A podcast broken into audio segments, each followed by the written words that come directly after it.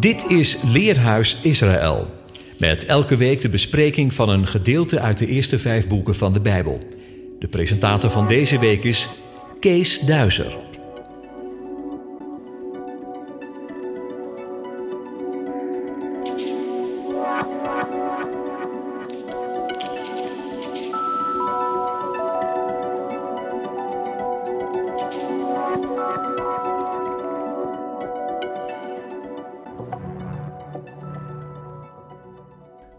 Shalom luisteraars. Welkom bij deze uitzending van Leerhuis Israël.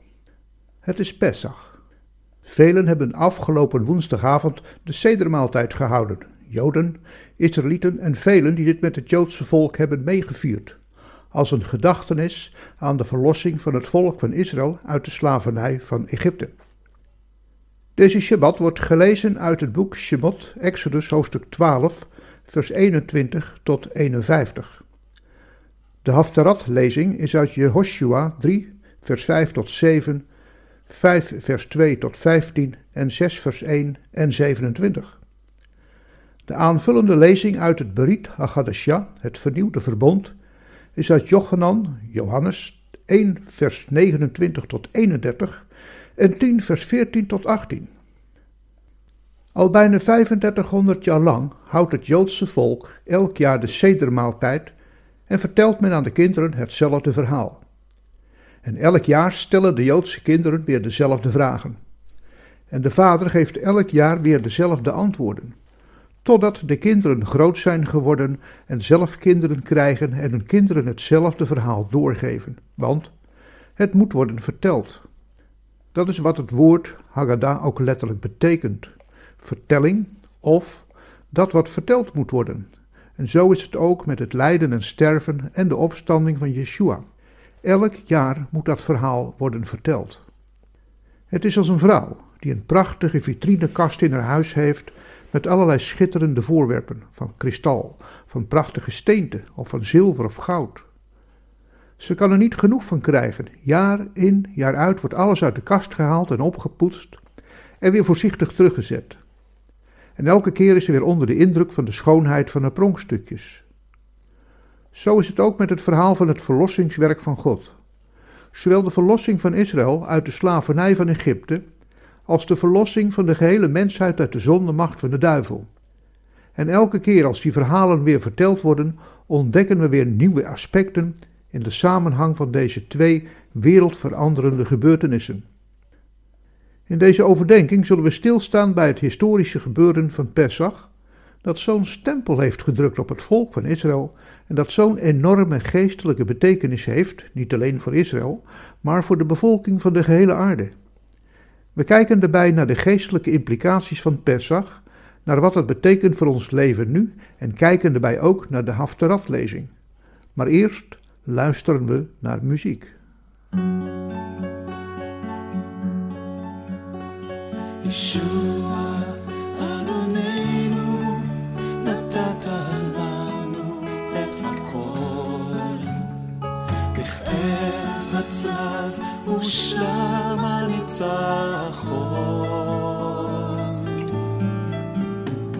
אז קח נא את חיינו ובנה לך ארמון מבית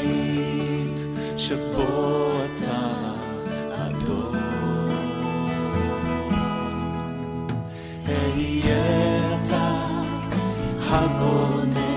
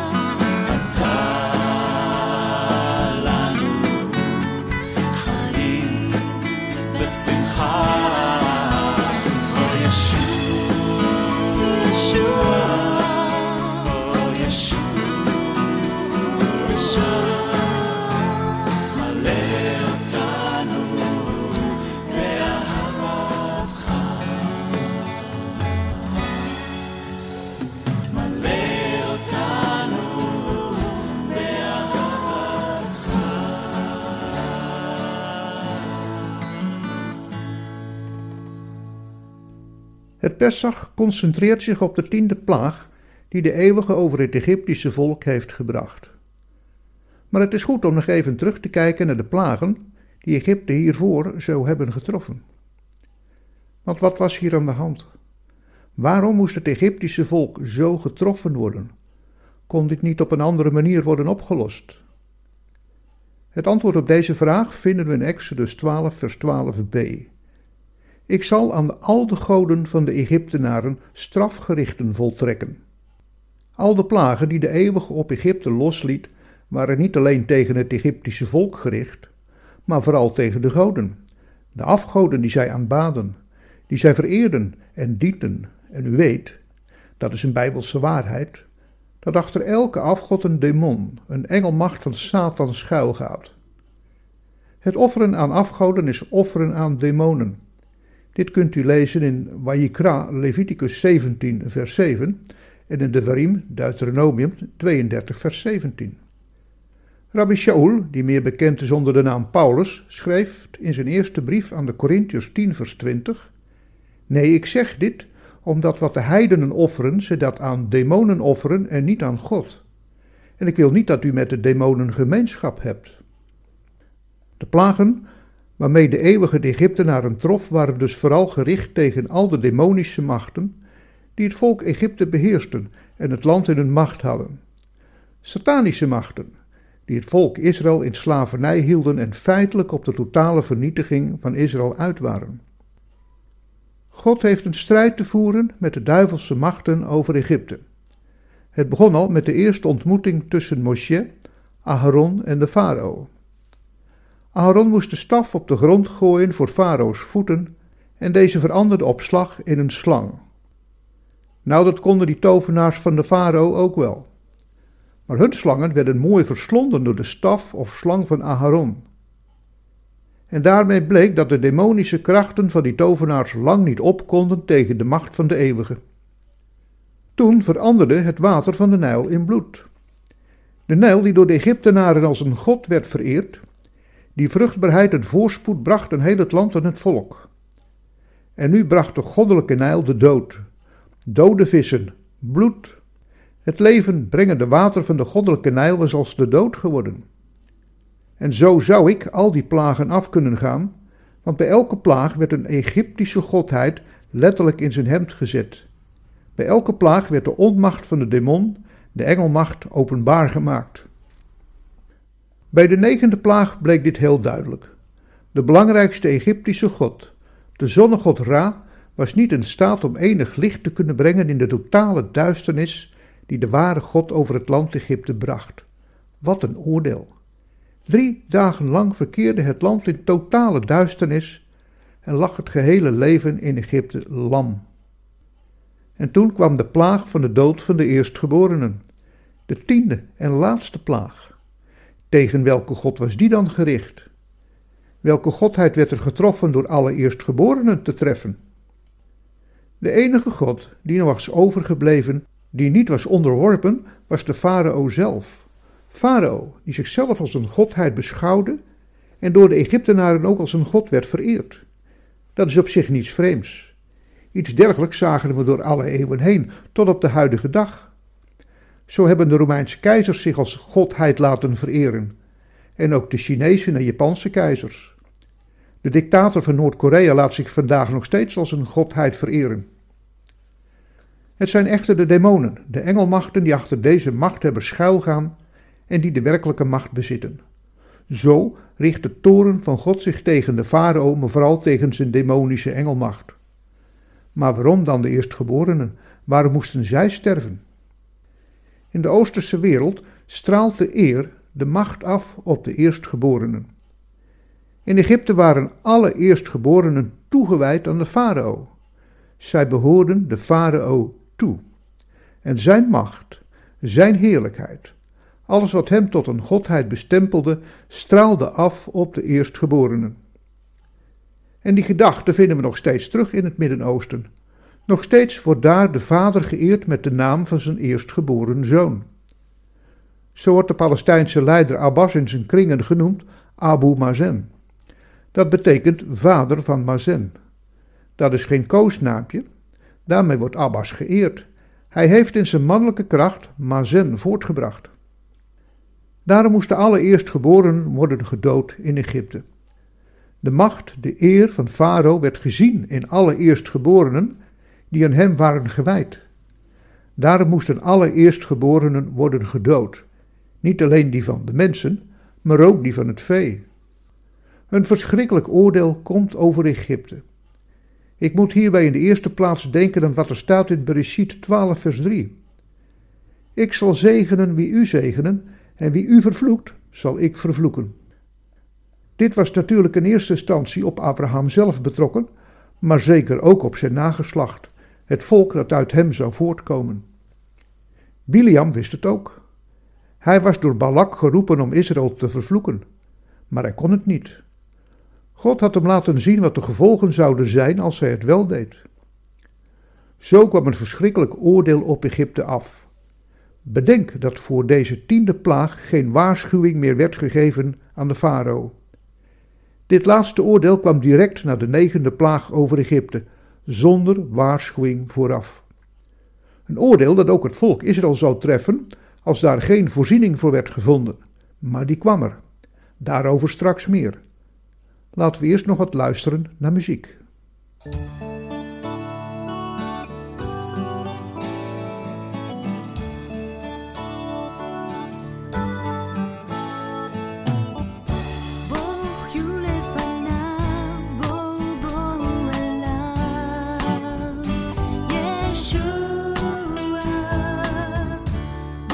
you know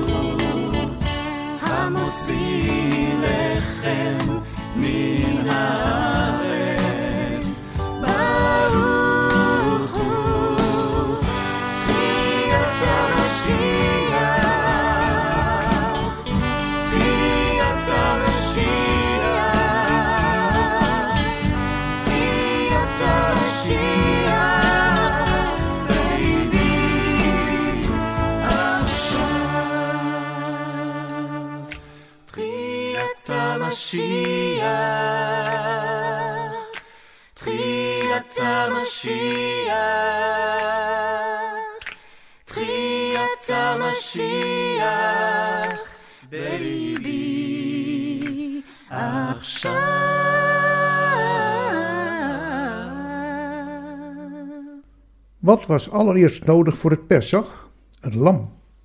Dat lam moest vier dagen in huis worden opgenomen. Vier dagen moest het in het gezin zijn. Waarom? Om te onderzoeken of het lam wel gezond was, of het geen gebrek had. Want het mocht geen enkel gebrek hebben. Want een lam dat een gebrek had dat niet volmaakt was, mocht nooit als een offer gebruikt worden. Maar er is nog iets.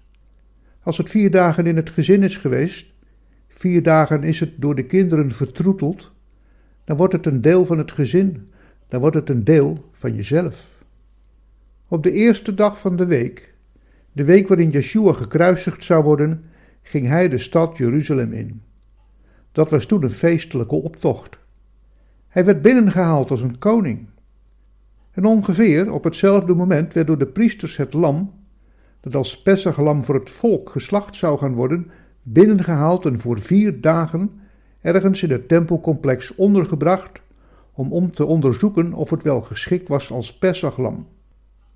Vanaf dat moment was Yeshua ook gedurende vier dagen in de tempel. Gedurende die vier dagen was hij dagelijks in de tempel om onderwijs te geven. Gedurende die vier dagen hadden de machthebbers, de Sadduceeën, de priesters, de fariseeën en de schriftgeleerden de gelegenheid om hem te onderzoeken. Te onderzoeken of het ware Pesachlam enig gebrek had, of er iets op hem was aan te merken. Maar ze hadden niets gevonden. Ze konden later geen enkele beschuldiging tegen hem inbrengen. Het was daarom ook dit verwijt dat Yeshua hen maakte toen ze hem gevangen namen. Marcus 14, vers 49. Dagelijks was ik bij u in de tempel onderwijs aan het geven en u hebt mij niet gegrepen. Ze brachten hem voor het Sanhedrin, maar ze konden niets vinden waarmee ze hem konden beschuldigen. Op de veertiende dag van de eerste maand moest dat Pesachlam geslacht worden. Tegen het vallen van de avond wordt er in de meeste Bijbelvertalingen vermeld. Letterlijk staat er tussen twee avonden. Vanuit de overlevering weten we dat dat rond het negende uur, dat is om drie uur in de middag, plaatsvond. Later werd dat het tijdstip dat elke dag het avondoffer werd geslacht. Wat was er verder nog nodig voor het Pesach? Bloed. Het klinkt wat vreemd, maar in vers 7 van hoofdstuk 12 wordt voor het eerst gesproken over het bloed dat bij een offer wordt gebruikt. In het eerste boek, Breshit, lezen we veel over offers, maar hier komt pas bloed te sprake. Ongezuurd brood, matzot. Daar kom ik straks nog op terug. Bittere kruiden, maror. Zij moesten een herinnering worden aan de bitterheid van het slavenjuk. En dan was er nog het vuur, want het geslachte lam moest op het vuur worden gebraden. Het vuur is een beeld van de toren van God. En het was daar waaraan Yeshua moest worden blootgesteld, de toren van God. Het bloed moest aan de deurposten en de bovendorpel worden gestreken. Waarom? Als de eeuwige rond ging door het hele land, en hij zag het bloed aan de beide deurposten en aan de bovendorpel, dan ging hij voorbij. Dat is wat Pesach is. Hij ging voorbij. De letterlijke betekenis van het woord passag is overslaan. En de eeuwige gaf de verderver geen toestemming om het huis binnen te gaan en de bewoners te treffen met het oordeel. Het oordeel werd op deze wijze van Israël afgewend. Maar bedenk wel, alleen het bloed van het lam, gestreken op de beide deurposten en op de bovendorpel, kon zo het oordeel van hen afwenden. Het bloed van het lam bewaarde hen voor het oordeel van God. Want in principe was ook Israël schuldig, zoals Rabbi Shaul in de Romeinenbrief heel goed uitlegt. Want allen hebben gezondigd en derven de heerlijkheid van God. Niemand staat onschuldig voor God, zo ook hier. Tijdens hun jarenlange verblijf in Egypte had Israël veel van de Egyptische gewoonten en gebruiken overgenomen, ook het vereren van afgoden. Dat bleek wel in de woestijn bij de Sinaï. Het eerste wat ze deden toen Moshe gedurende veertig dagen op die berg verbleef en ze ongeduldig werden over zijn wegblijven, was het maken van een afgodsbeeld, het gouden kalf, een van de voornaamste Egyptische afgoden. En het feest dat ze bij dat kalf uitbundig gingen vieren, had alles te maken met afgodendienst. Daarom had Israël verlossing nodig. Het oordeel van God moest van hem worden afgewend. En dat kon hier alleen maar door het bloed van het lam. Merk op dat de deurposten en bovendorpel van hout gemaakt een kruis vormen. Nergens kom je zo duidelijk in de Torah het beeld van de kruisiging tegen als hier in het verhaal van Pesach. Het bloed moest met een bosje hyssop op de deurposten worden gestreken. Waarom hyssop? Hyssop is het kleinste, het nietigste plantje in het Midden-Oosten. Volgens de rabbijnse traditie is het een teken van onze eigen geringheid, onze eigen nietigheid tegenover het machtige werk van de eeuwige. En terwijl de verderver rondging door Egypte en er in elk Egyptisch huis luide jammerkreten opklonken, bleven de kinderen van Israël veilig in hun huizen en aten in haast het Pessachmaal. Veilig achter het bloed van het lam. Hoe toepasselijk nu in deze tijd? Ook wij moeten nu binnenblijven in onze huizen, veilig voor het rondwarende virus. Alleen gold het binnenblijven voor de Israëliet voor één nacht. Wij moeten misschien nog wel weken binnenblijven.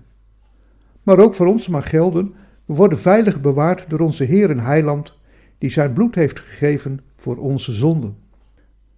Niets van wat gegeten wordt mocht overgelaten worden.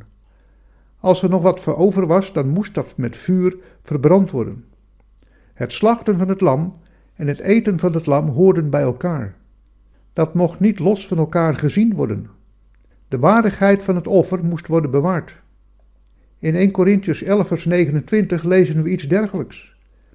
Want wie op onwaardige wijze eet en drinkt, die eet en drinkt zichzelf een oordeel, omdat hij het lichaam van de Heere niet onderscheidt. Het gaat niet om het eten en drinken op zich.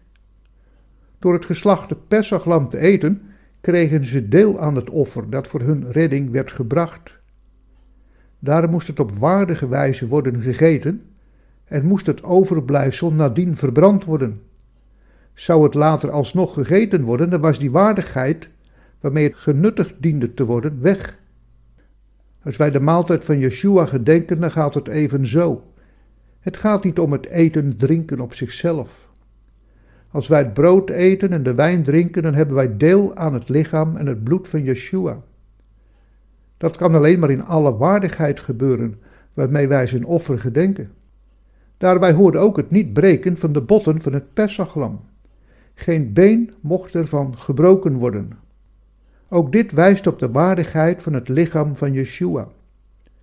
Want terwijl na afloop van de kruisiging de beenderen van de misdadigers wel werden gebroken, gebeurde dat niet met zijn beenderen. Hij was al gestorven. Zijn lichaam werd in alle waardigheid begraven in een nieuw uitgehouwen graf. En dan is er het ongezuurde brood, matzeh, of matzot, als u het meervoud wilt gebruiken. Of matzes, als u de uitspraak van de Askenazische Joden gebruikt. Het maakt allemaal niet uit.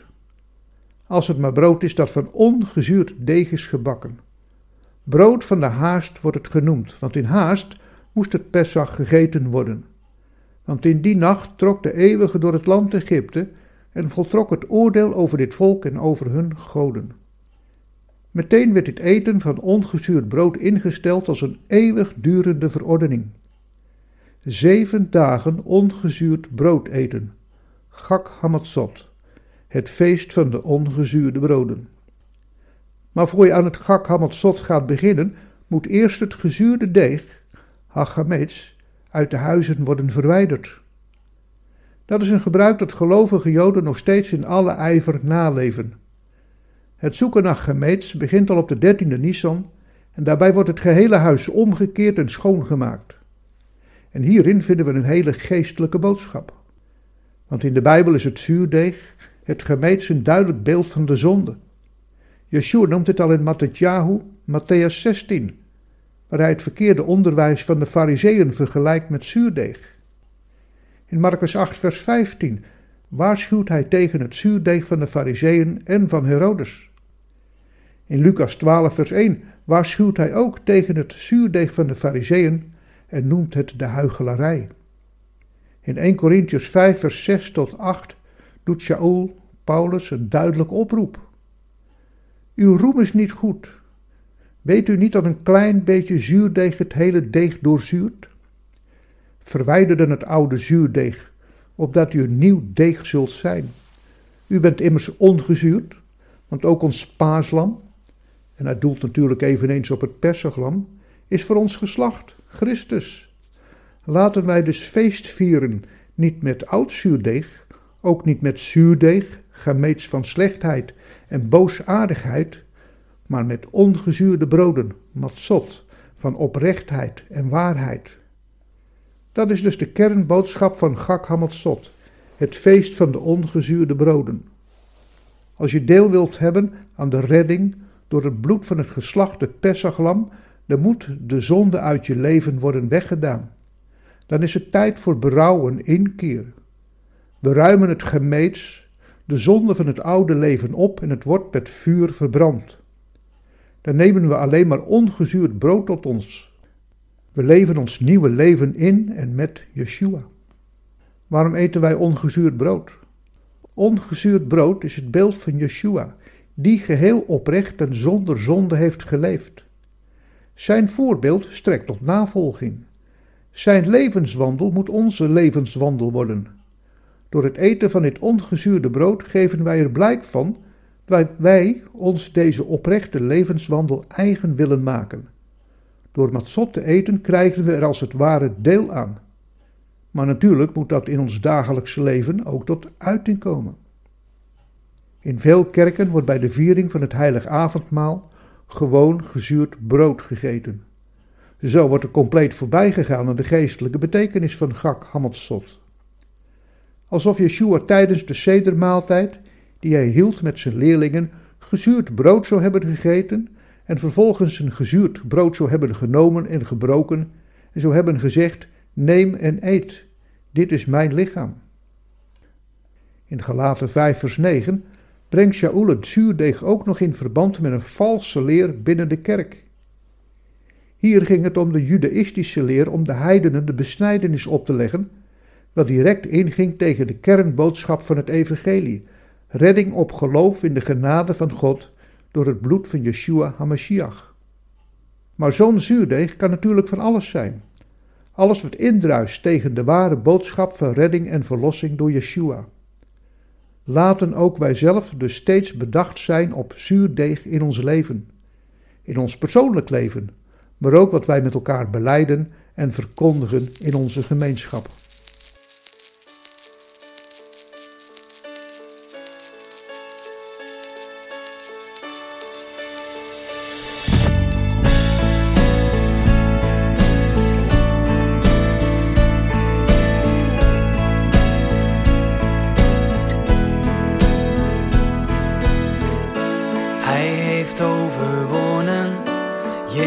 De Messias, heel de weg is hij gegaan.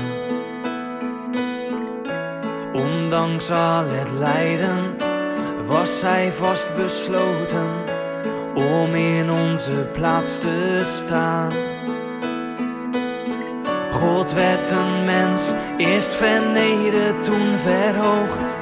En nu aan de rechterhand van God. Zoals hij opsteeg, verwachten wij hem terug. De schepping ziet uit naar Jezus' komst. En de geest en de bruid zeggen kom. En laat hij die het hoort zeggen kom. Heer Jezus kom. Heer Jezus kom. Laat wie dorst heeft nu komen bij hem. Neem het levende water van hem. Voor niets van hem. Voor niets van hem.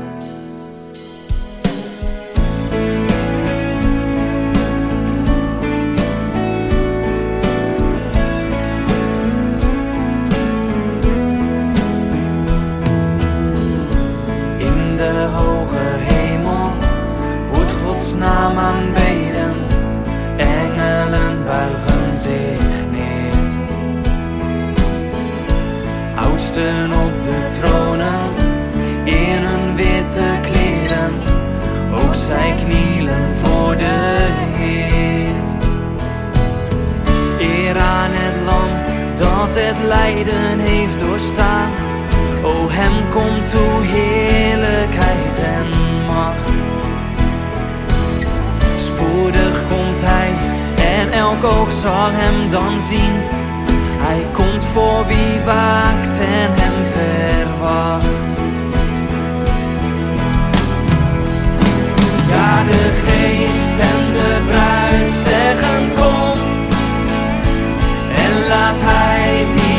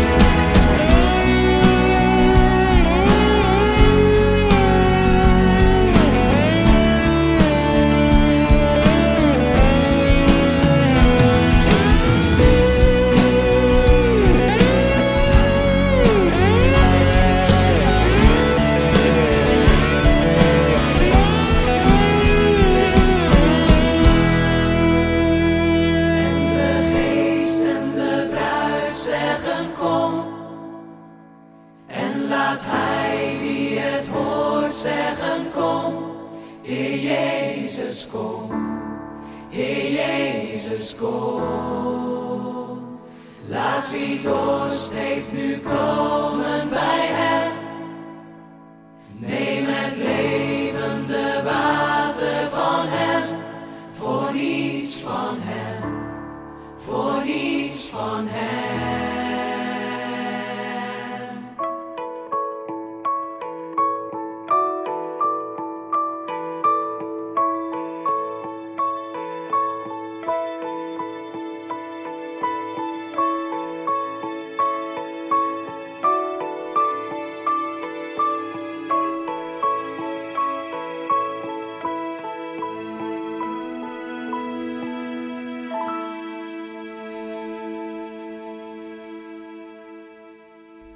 In de versen 48 en 49 van Shemot, Exodus 12, vinden we nog een merkwaardige instructie. Als er nu een vreemdeling bij u verblijft, en als die voor de Heere het paascha wil houden, laat dan al wie mannelijk is bij hem besneden worden. Dan mag hij naar voren komen om het paascha te houden, en zal hij zijn als een ingezetene van het land. Niemand echter die onbesneden is, mag ervan eten. Eén wet is er voor de ingezetene en voor de vreemdeling die te midden van u verblijft. In deze versen wordt een verbinding gelegd tussen de besnijdenis en het Pessach. De besnijdenis wordt hier zelfs als voorwaarde gesteld om aan het Pessach te mogen deelnemen. Dat is waar Jehoshua mee te maken kreeg toen hij met het volk Israël de Jordaan was overgestoken en klaar stond om het beloofde land in te gaan.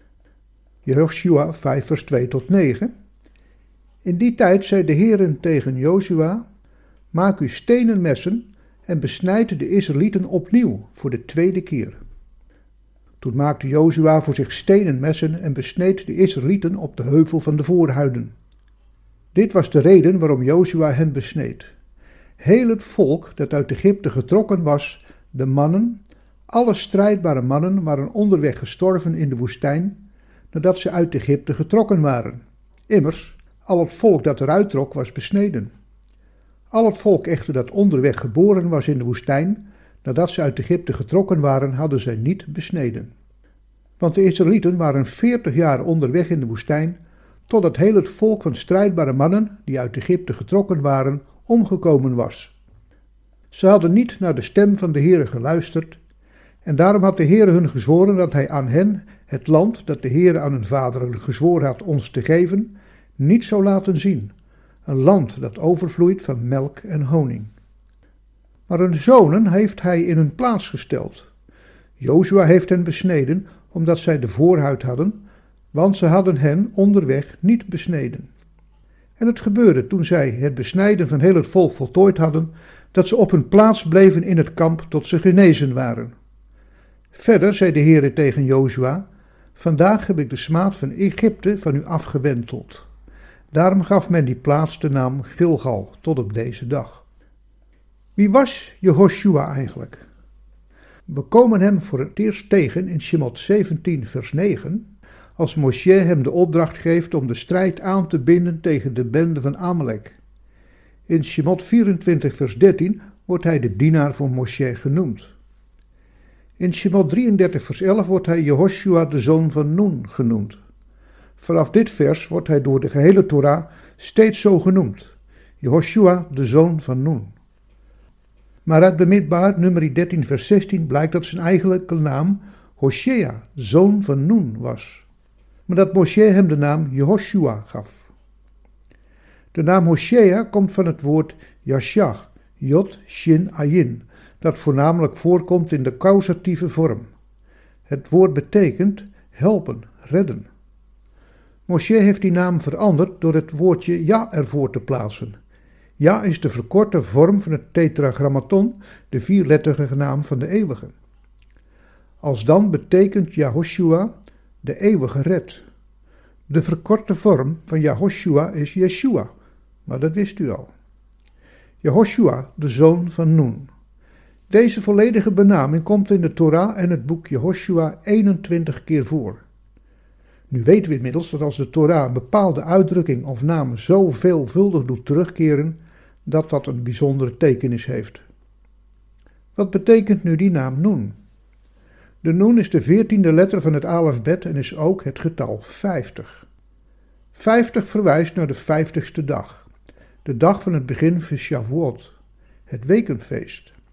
50 in het Grieks is Pentecoste en dat kennen we als het Pinksterfeest, de uitstorting van de Heilige Geest over de gelovigen in Yeshua op dat wekenfeest. Er is een rabbijnse traditie die zegt dat je de Mashiach kunt herkennen omdat hij altijd vergezeld gaat van de Heilige Geest.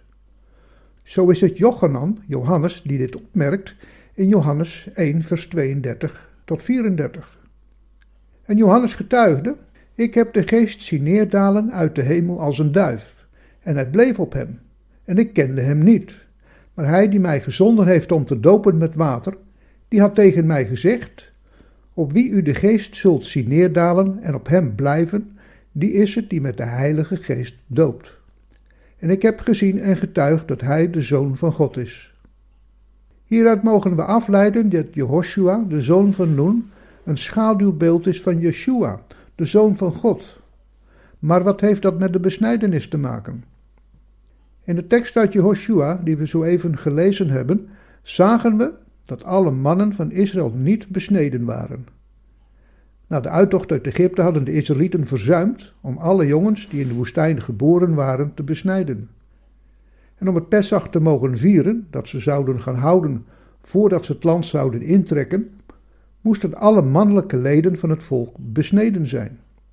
En dat diende alsnog te gebeuren.